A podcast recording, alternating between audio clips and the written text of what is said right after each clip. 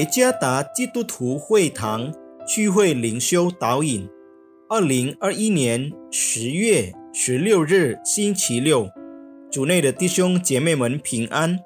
今天的灵修导引，我们要借着圣经诗篇一百一十九篇第二节来思想今天的主题：创造者幸福之源。作者何成礼传道。诗篇一百一十九篇第二节：遵守他的法度，一心寻求他的，这人变为有福。神的仆人经教徒史蒂芬·查诺克写道：“否认神存在的人，与不敬拜神的人一样愚蠢。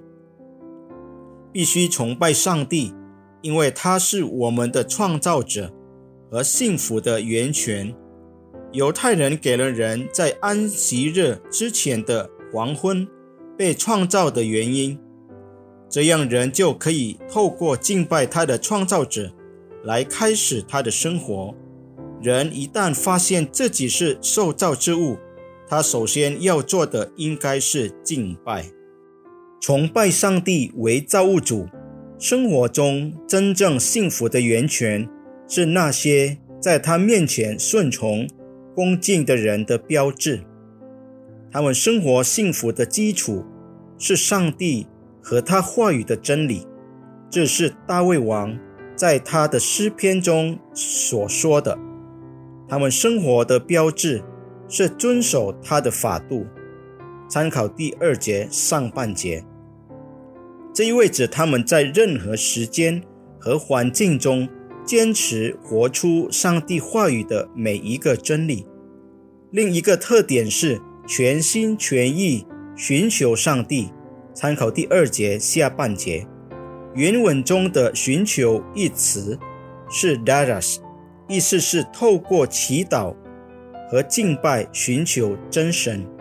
透过祷告寻求上帝，意味着在他的生活中遵循上帝的旨意。此外，透过敬拜寻求上帝，意味着使所有受造物都服从于造物主上帝及幸福之源。他们愿意在生活中受到上帝话语的每一个真理的指导，使他们在处理和理解他们的生活时获得正确的智慧。对我们来说，上帝是谁？如果只是作为一个必须理解、满足我们生活中每一个需要的人，那么我们将永远只为了自己而敬拜他。然而，如果为着创造者幸福的真正源头，那么我们会坚持全心敬拜他，与他更加调和。在基督里，我们被圣灵塑造成为顺服的人。全心荣耀上帝，我们生活中的幸福只建立在上帝和他的话语的真理之上，而不再建立在这个世界上。我们将始终坚持默想、遵守上帝话语的每一个真理。